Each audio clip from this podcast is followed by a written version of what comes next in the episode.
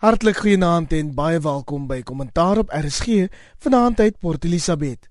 My naam is Iver Price en op die paneel twee politieke ontleeders albei verbonde aan die Noordwes Universiteit en dit is professor Andre Dievenage en Theo Venter. Vanaand se program is effe korter vanweë die sokkeruitsending, maar ons kyk steeds na die vernaamste nuusgebeure van die week. En dit sluit in die herrie na die weiering van parol aan Eugene de Kok. Verskeie polisieklagtes teen Tandi Modisi Die openbare reaksie na die SAIK se skielike aanstelling van Gladie Motsoneng en 'n warm debat omdat Steve Hofmeyer die stem by Kunstefees gesing het. Onthou my op Twitter te volg en jou mening oor die sake van die dag te tweet.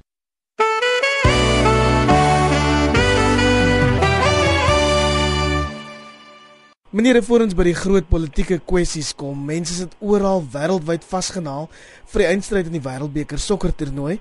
Theo, kan ek my verstout om te vra of jy 'n spesifieke span ondersteun? Ja, nee, ek moet maar seker my my klere wys. Ek moes maar soos by die Suid-Afrikaanse rugby, moes ek maar baie pragmaties wees omdat my span die Blou Bulle nêrens gekom het nie. Dan het mens moes maar noodwendig 'n tweede of 'n derde keuse. Ek het die Wêreldbeker ingegaan met baie vertroue dat die Spanjaarde hulle goeie vertoning van 4 jaar gelede kan voortsit en uh, nou blyk dit dat die enigste span wat werklik voorberei is om 'n aanslag op die wêreldbeker te maak, goed georganiseer, speel soos 'n wêreldbeker wenner is Duitsland, maar ons is seker na die program sal ons weet um, wie die uitslag is, maar Duitsland is maar my span hierdie jaar. So 'n bietjie later in die program gaan ons dan kyk of jou sokkerkennis so goed is as jou politieke kennis, Theo. Kom ons kop af met die DBV se klagtes teen Tandi Modisi, die voormalige premier aan julle geweste Noordwes. Die klagtes hou verband met die verhongering en die verwaarlosing van diere op haar plaas Modderfontein naby Potchefstroom. En ander het die ANC die week gesê dis politiekery, selfs rasisme om van die dinge ophef in die media te maak. Maar ons praat tog hier van die voorsteur van die Raad van Provinsies. Ja, kyk Tandi Modisi is 'n baie hoë profiel persoon soos genoem 'n vorige premier van Noordwes ook iemand wat verantwoordelik is om 'n klomp strategiese projekte in die provinsie te lei waar ondergrondhervorming en in die sin stel sy 'n slegte voorbeeld. My uh, wat ek wel sien hier is dat die aard van haar verpligtinge het haar dit vir haar waarskynlik baie moeilik gemaak om regtig aan die plaas behoorlik te kon aandag gee, maar ek dink nie dit is 'n verskoning nie. Ek dink ook nie hier word onnodige politieke ry van gemaak nie. Iemand van daardie profiel wat so verantwoordelik onverantwoordelik optree, moet gewoon maar ook dan verantwoording doen iewerster en ek dink dit is sleg vir die provinsie se beeld, dit is sleg vir haar beeld en uiteraard is dit ook sleg in 'n boerdery konteks. Die ek was nogal verras deur die reaksie van haar woordvoerder Neo Mwepe. Hy het gesê daar's politici wat die situasie wil uitbuit om mevrou Modise in 'n slegte lig te stel, maar dan is hulle steeds dankbaar vir die ondersteuning van veral wit Afrikaans sprekende boere wat op die naam genoem is. Wat het jy daarvan gemaak? Weet jy, hierdie hele ding rondom Tandi Modise ryk vir my na na na na skadebeheer reg van die begin af soos Andre aangewys het. Ek wil nie eers praat oor die operasionele en die werklike uh, gebeure op die grond nie. Vir my was die was die swakste van die hele week.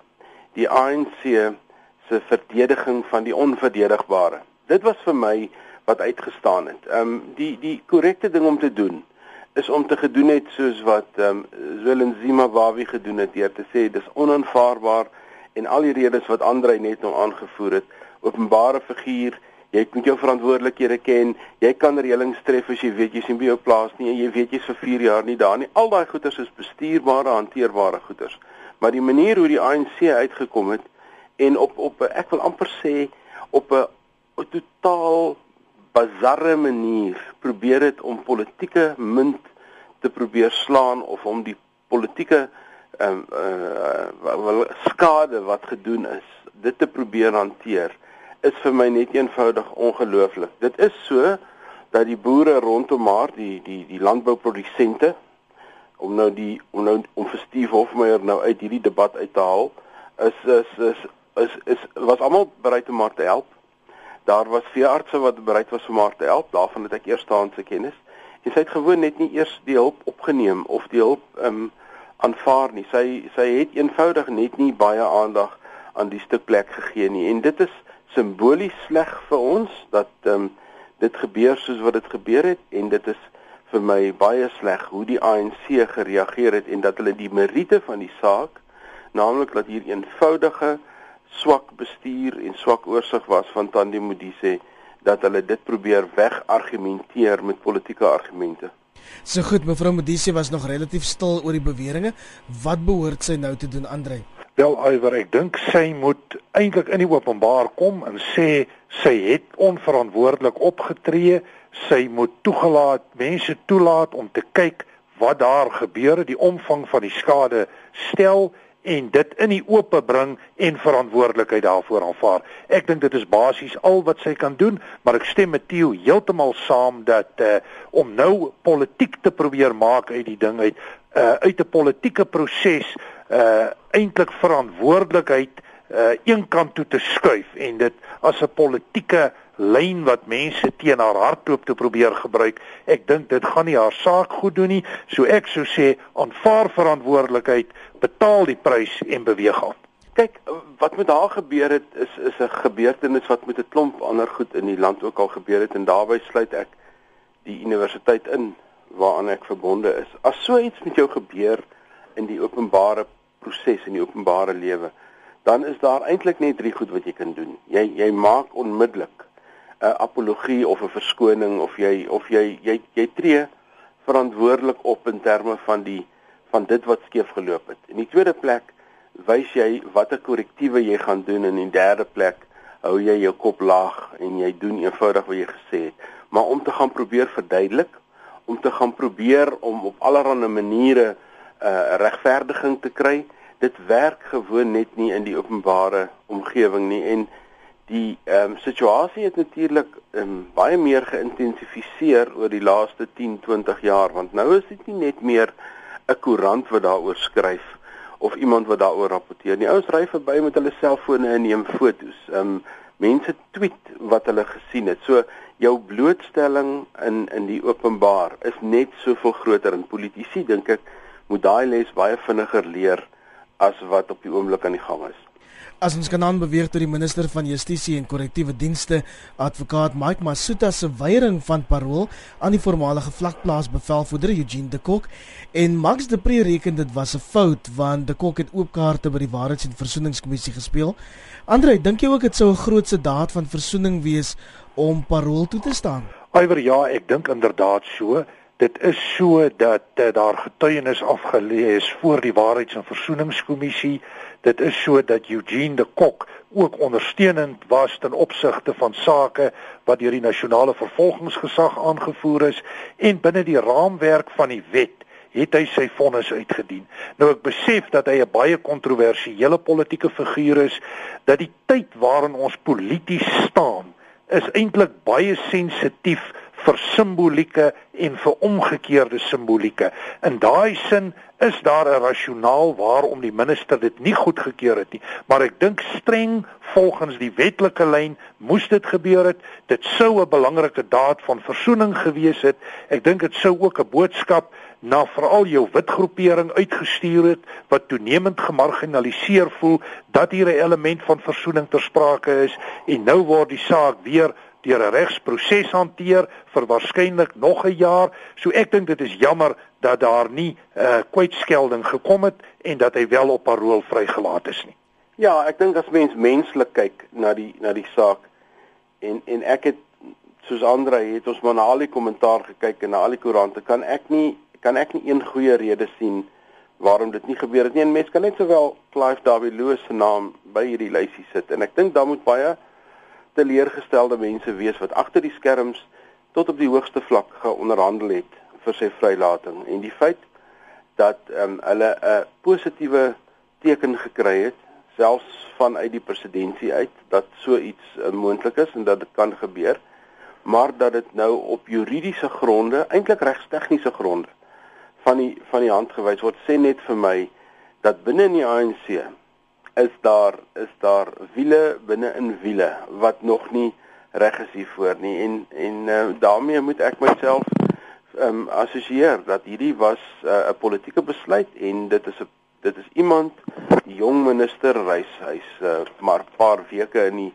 in die saal. Hy het net eenvoudig nie die politieke guts gehad om 'n belangrike besluit te neem nie. Anders as sy mede-kollega 5 uh Mutambi by wie ons seker net nog gaan kom wat 'n totale um verkeerde aanstelling maak. Sy het wel op een of ander manier die politieke beskerming gehad om hierdie soort aanstelling te maak waar ons minister van justisie en al die ander funksies wat hy beklee net eenvoudig nie die politieke moed gehad het van sy oortuiging nie bygesê ek het die reaksie op sosiale media dopgehou en daar's 'n groot deel van hierdie land wat bly is dat parol geweier is en dis nie net swart en bruin mense nie mense wat nog met die wonde van apartheid rondloop Andre Ja, kyk, dit is so dat uh, Eugene de Kok 'n lang geskiedenis het en 'n geskiedenis van baie bloed en baie trane, maar ek dink ons praat hier primêr van 'n regsproses. Hier is 'n bepaalde regsproses wat gevolg is en volgens die regsproses kwalifiseer hy om op parol vrygelaat te word.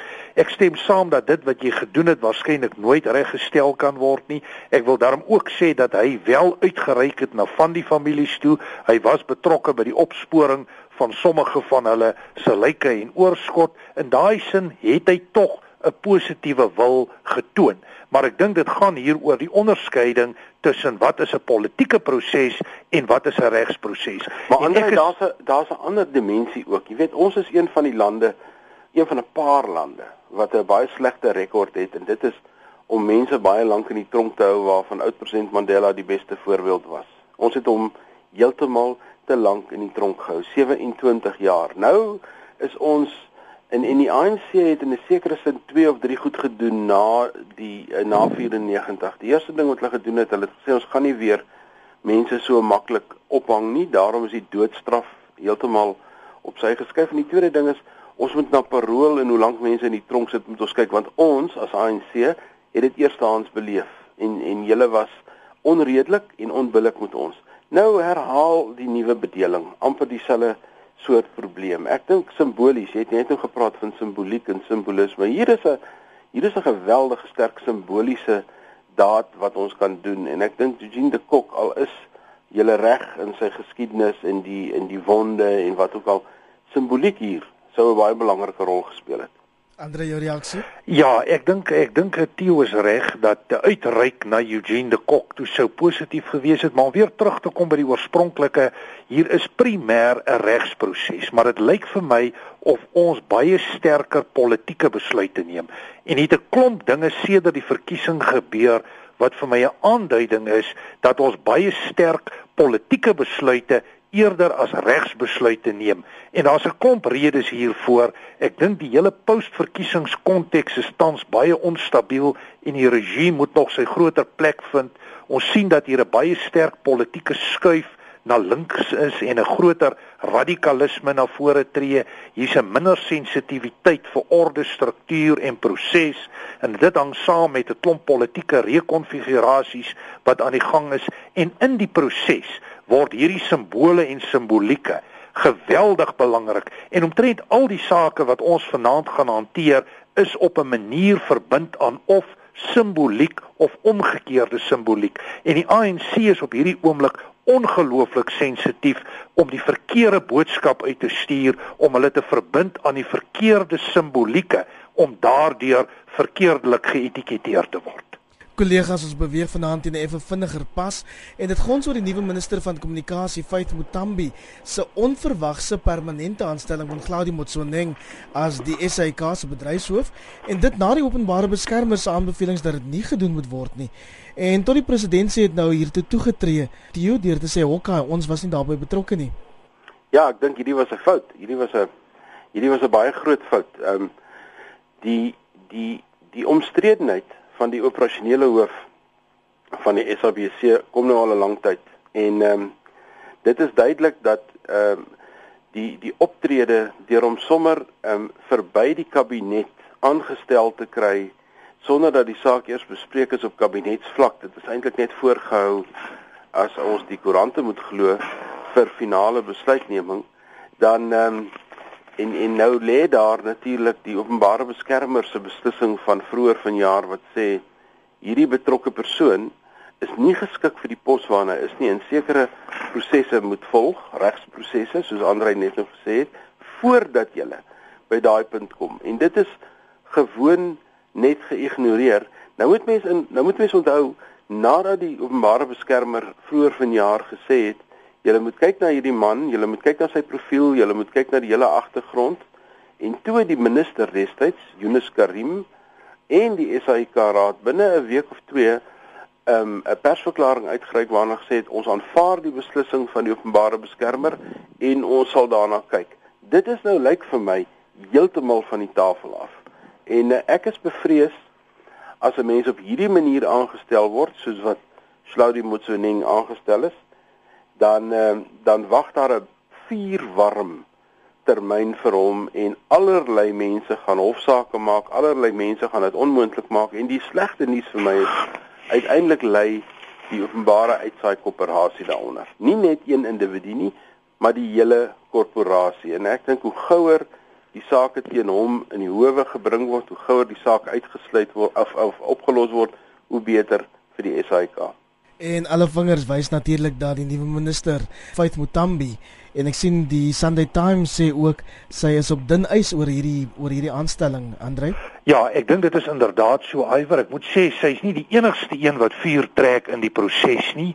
Uh Tsabalala, die die voorsitter trek ook geweldig vuur en daar's ook nou vrae oor haar kwalifikasies, maar ek wil net op een lyn terugkom. Ek is bereid om te sê dat 5 uh, eh, Mutambi nie heeltemal op haar eie opgetree het nie. Ek dink tog sy het iewerster uit die groter politieke omgewing en waarskynlik van die kant van die kantoor van die president het sy ondersteuning gekry vir hierdie tipe aanstelling. Andre, ek dink nie jy hoef daaroor te gis nie. Dit is so, want dit is waar jy jou politieke mandaat in die Zuma presidentskap kry is heel bo. Maar nou Theo is die interessante dat uh, toe die vuur nou so 'n bietjie warm word, toe die presidentsie onttrek en toe die presidentsie nou eenkant gaan staan en dit lyk vir my of hierdie proses op die oomblik baie problematies is of hy ook konflik skep binne die geleedere van die drieledige alliansie.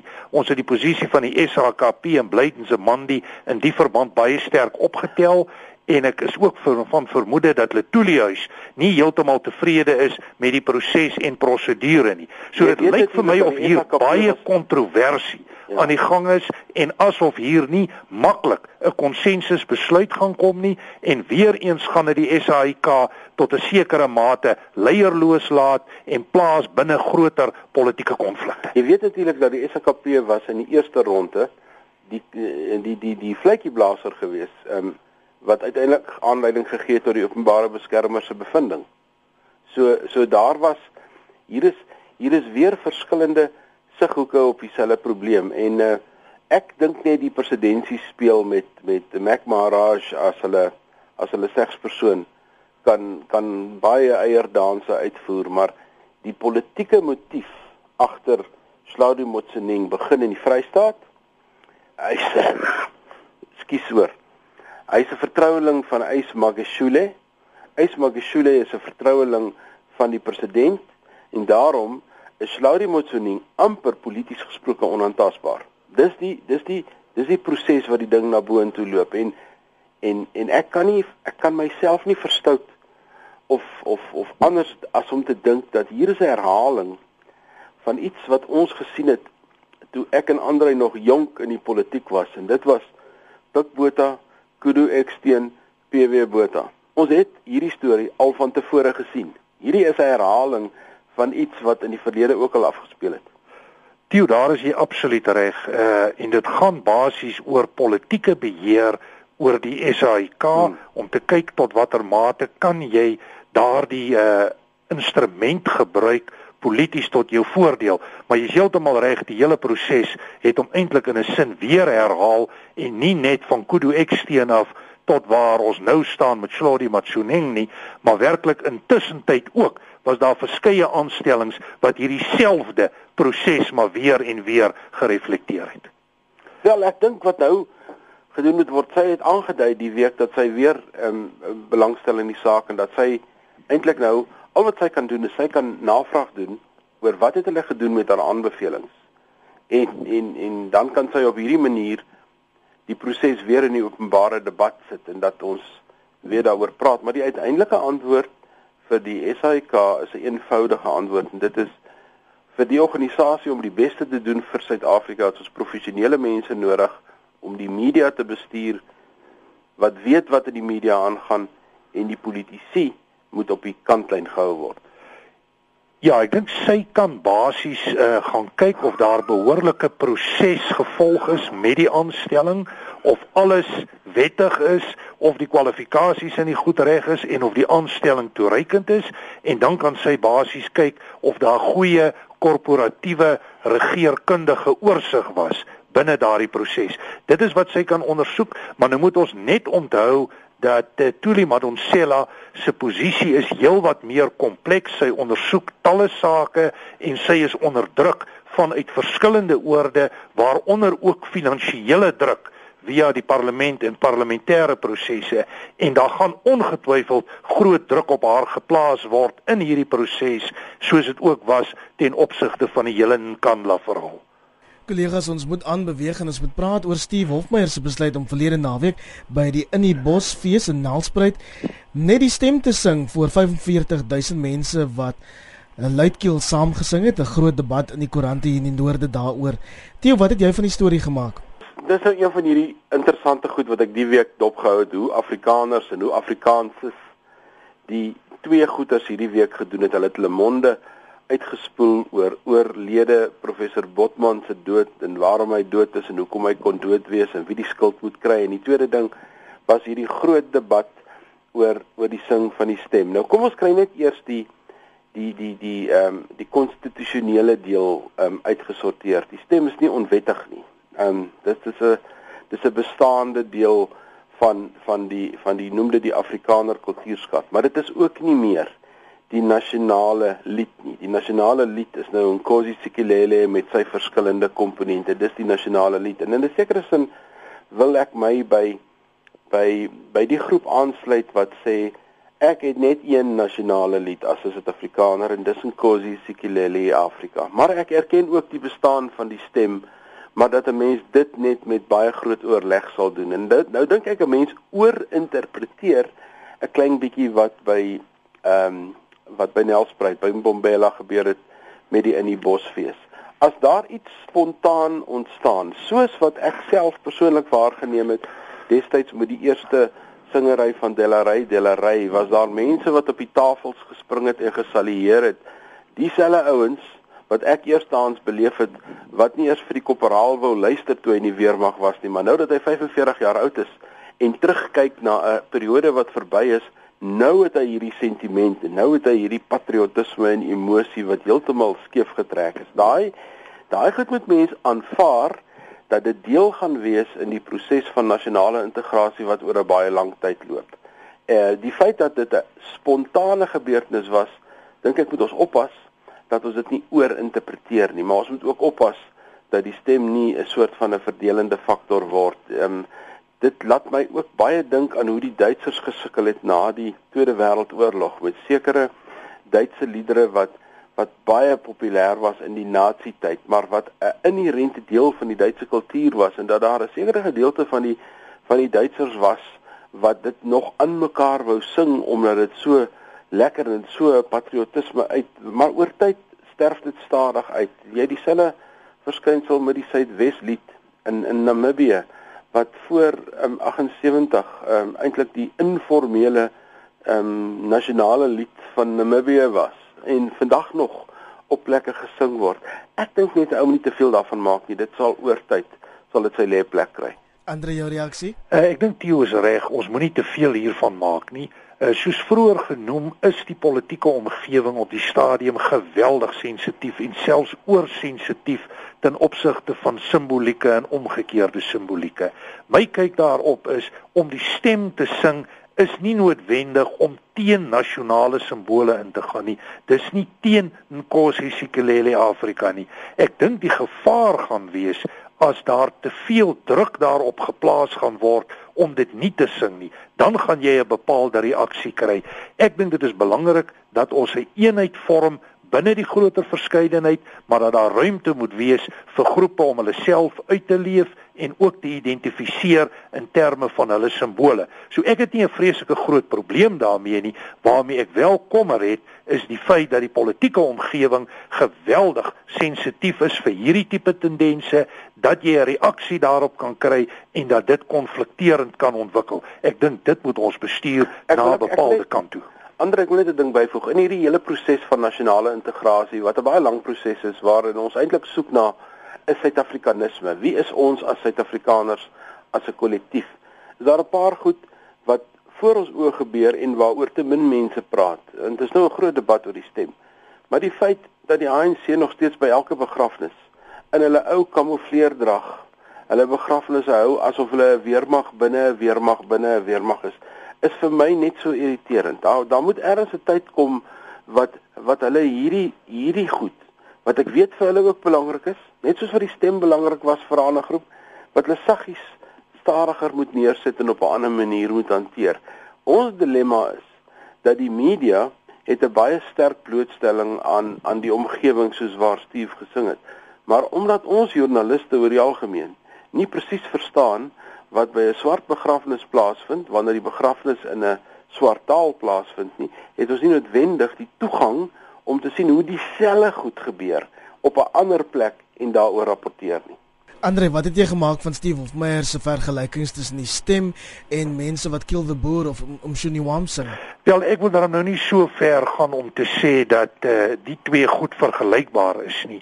Ek ek stem glad nie daarmee saam dat eh uh, Kill the Boer, Kill the Farmer gesing moet word nie. Wat my aanbetref, kom dit suiwer neer op 'n vorm van haatspraak. Die sing van die stem so Steve reg aandui, lê amper eerder op die vlak van 'n gebed, mense wat 'n bepaalde lojaliteit koester. So ek dink ons praat hier van twee ordegoeters. Die vrees wat ek net het is dat dit mense in kampe kan injaag, dat dit verhoudinge kan verhard en ons het gesien watter steun het Steve Hofmeyer gekry veral ook in die sosiale media maar ook in die groot media ten opsigte van die sing van die stem. So hier is 'n bepaalde gevoel, hier is 'n bepaalde ongelukkigheid en ontevredenheid by minderheidsgroepe waaronder die Afrikaner en ek dink dit moet ook op 'n wyse polities iewers hanteer word. Ek wil net weer herhaal dat dit 'n lang proses is. En hoekom ons uit hierdie verdelende um, elemente wat wat wat Andrei uitgewys het in en polariserende elemente wel ons kom daaruit met goeie leierskap. Ons kom daaruit met staatsmans optrede wat ons nie by ons huidige president sien nie. Ons kom ons kom uit hierdie probleem uit met goeie dienslewering. Ons kom uit hierdie probleem uit wanneer die wanneer die staat en die regering doen wat hy moet doen sodat die burgery ophou om op kleinlike goederes te beklei want dit is die dilemma van Suid-Afrika op die oomblik swak bestuur op alle vlakke maak dat daar 'n vlak van gatvolgheid ontstaan nie net onder Afrikaans sprekendes en Afrikaanses in Hebreë nie maar onder 'n baie wye groep mense wat hierdie soort van hierdie soort van gebeure gebruik uh, as um, nou onlangs weer in hierdie week het ons gesien in in Sasselburg die die munisipaliteit waar mense in die dorp invaar en en vensters breek en te kere gaan en dis meer en daar's 'n klomp plekke in Noordwes en die Vrystaat en wat ook al waar daar dienste boikotte is. Dit is wat gebeur wanneer die burgery ontevrede is dat die nasionale projek, met ander woorde dat nie alle Suid-Afrikaners gelykwaardig behandel word nie, nie op koers is nie en dit kan net op koers kom as ons 'n beter bestuur van die land kry. Andres ons wag maar nog steeds vir die president om op te staan, die ware leier van hierdie land. Aiwer ja, ek dink uh, Theo is heeltemal reg. Ons het 'n gebrek aan leierskap en as jy nie sterk leierskap het nie, is dit moeilik om waardes te vestig, om 'n een eenheid te bou, om staatbou verder te neem, om nasiebou verder te neem. Maar ek dink die volgende 5 jaar gaan baie groot uitdagings aan leierskap stel wat my bekommer is dat relatiewe klein kwessies soos die goed wat ons vanaand bespreek het het die potensiaal om in groot sake te ontwikkel. En dit is hier waar die risiko's is en dis hier waar ons die leierskap nodig het. Werklike transformatiewe leierskap om die land vorentoe te neem om 'n gemeenskaplike toekoms te definieer waarin almal 'n plek het. En ek moet sê op hierdie oomblik is ek maar redelik bekommerd oor dit wat ek lees en die tendense wat ek optel in die politiek. kollegas, dis ongelukkig alwaar verstaan dit vanaand op kommentaar. My naam is Iver Price en baie dankie aan professor Andre Dievenage en aan sy Andre. Dankie Iver, dankie Theo. En ook Theo Venter van die Noordwes Universiteit. Goeienaand almal.